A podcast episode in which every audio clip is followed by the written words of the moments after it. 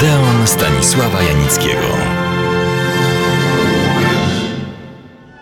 Gina Lollobrigida była jedną z największych i najbardziej lubianych aktorek włoskich na przestrzeni dziesiątków lat. Znana, podziwiana, ceniona. Przyznam, że byłem, jestem we wspomnieniach jednym z wiernych jej wielbicieli. Była zniewalająca, rzucająca na kolana swoją urodą, swoim wdziękiem i chyba najważniejsze, swoim talentem, ale nie tylko. Kilka wstępnych informacji. Gina Lollobrigida była nie tylko aktorką, i to z tej najwyższej półki, ale także znakomitą fotoreporterką. Przykład? Proszę. Uzyskała dostęp do Fidela Castro, żeby przeprowadzić z nim wywiad na wyłączność. Działała we włosko-amerykańskiej fundacji NIAF, która propaguje i finansuje rozwój terapii komórkowej, mającej doprowadzić do regeneracji tkanek lub narządów pacjenta.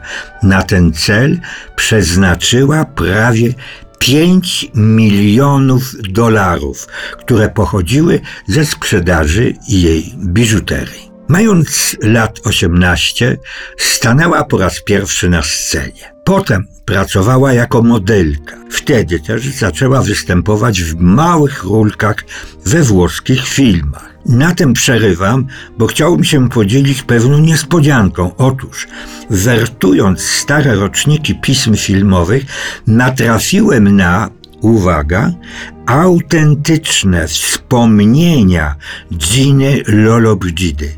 Powtórzę, osobiste jej wspomnienia, a nie relacje dziennikarzy czy przypadkowych świadków.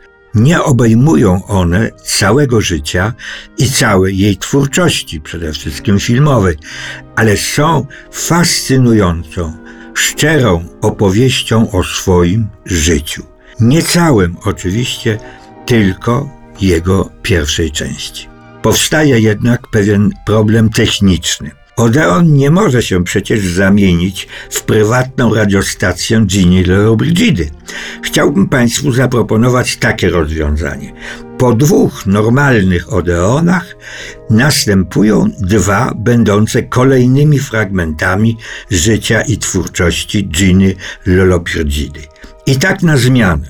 Jeśli jednak to rozwiązanie nie będzie Państwu odpowiadać, wracam do programu tradycyjnego. Zgoda? Więc zaczynam. To, co o sobie piszę, nie jest żadnym pamiętnikiem, żadnymi wspomnieniami z mojej kariery aktorskiej. Uważam, że jestem jeszcze za młoda, by spisywać tego rodzaju wspomnienia. Chcę Wam po prostu opowiedzieć o kilku ciekawszych zdarzeniach z mojego życia, czyli krótko i węzłowato moich spotkaniach z dziesiątą muzą. Po tym wstępie Gina Lollobrigida przystępuje do rzeczy. Moje pierwsze spotkanie z filmem było raczej przykre i nie wróżyło niczego dobrego.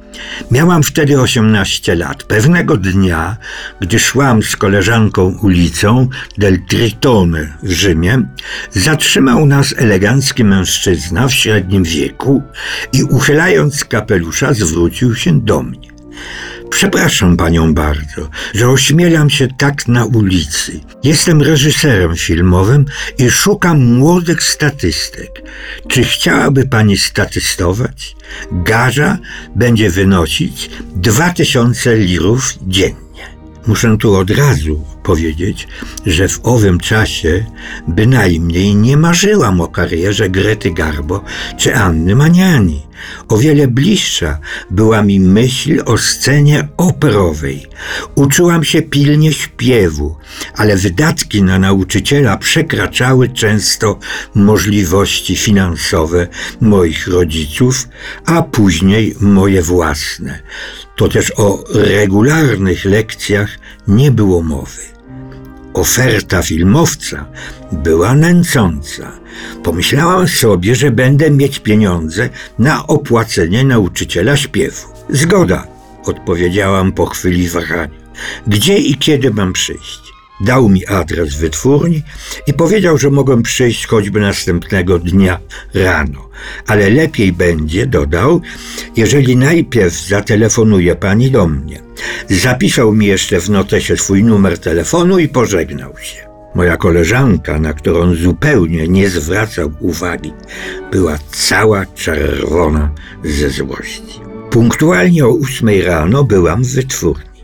Nie znalazłam wprawdzie mojego reżysera, nikt o nim w ogóle nie słyszał, ale kartka z adresem, którą okazała, sprawiła to, że wpuszczono mnie do jakiegoś pokoju, gdzie siedziało kilku młodych ludzi. Statystka, warknął jeden z nich, patrząc niechętnie na mnie. Statystka, powiedziałem. Właśnie ja tu przyszłam z polecenia. Cicho, nie gadać tyle, tu nie jarmark, strofował mnie. Wstał z krzesła, obejrzał mnie od stóp do głów, kilka razy obszedł mnie dokoła, wzruszył ramionami i wreszcie przesadnie uprzejmym ruchem otworzył drzwi na korytarz. Pochylił się w ukłonie, niczym przed wysoko postawioną osobistością.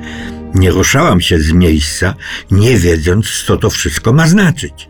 Nagle młody filmowiec wyprostował się i grubiańskim tonem powiedział: No jazda stąd, już cię tu nie ma. Możesz się pokazać, jak przybędzie ci na wadze z 10 kilo. Nie przejęłam się bynajmniej tym, że nie zrobiłam wrażenia na młodym filmowcu, ale żal mi było trochę tych dwóch tysięcy lirów dziennie. Nie dałam jednak za wygraną, ale dopiero w kilka miesięcy później udało mi się dostać pracę statystki. Ale to nie za dwa, lecz za jeden tysiąc lirów. A co się działo dalej, opowie Gina Lollobrigida bywalcom Odeonu już za tydzień. Serdecznie zapraszam.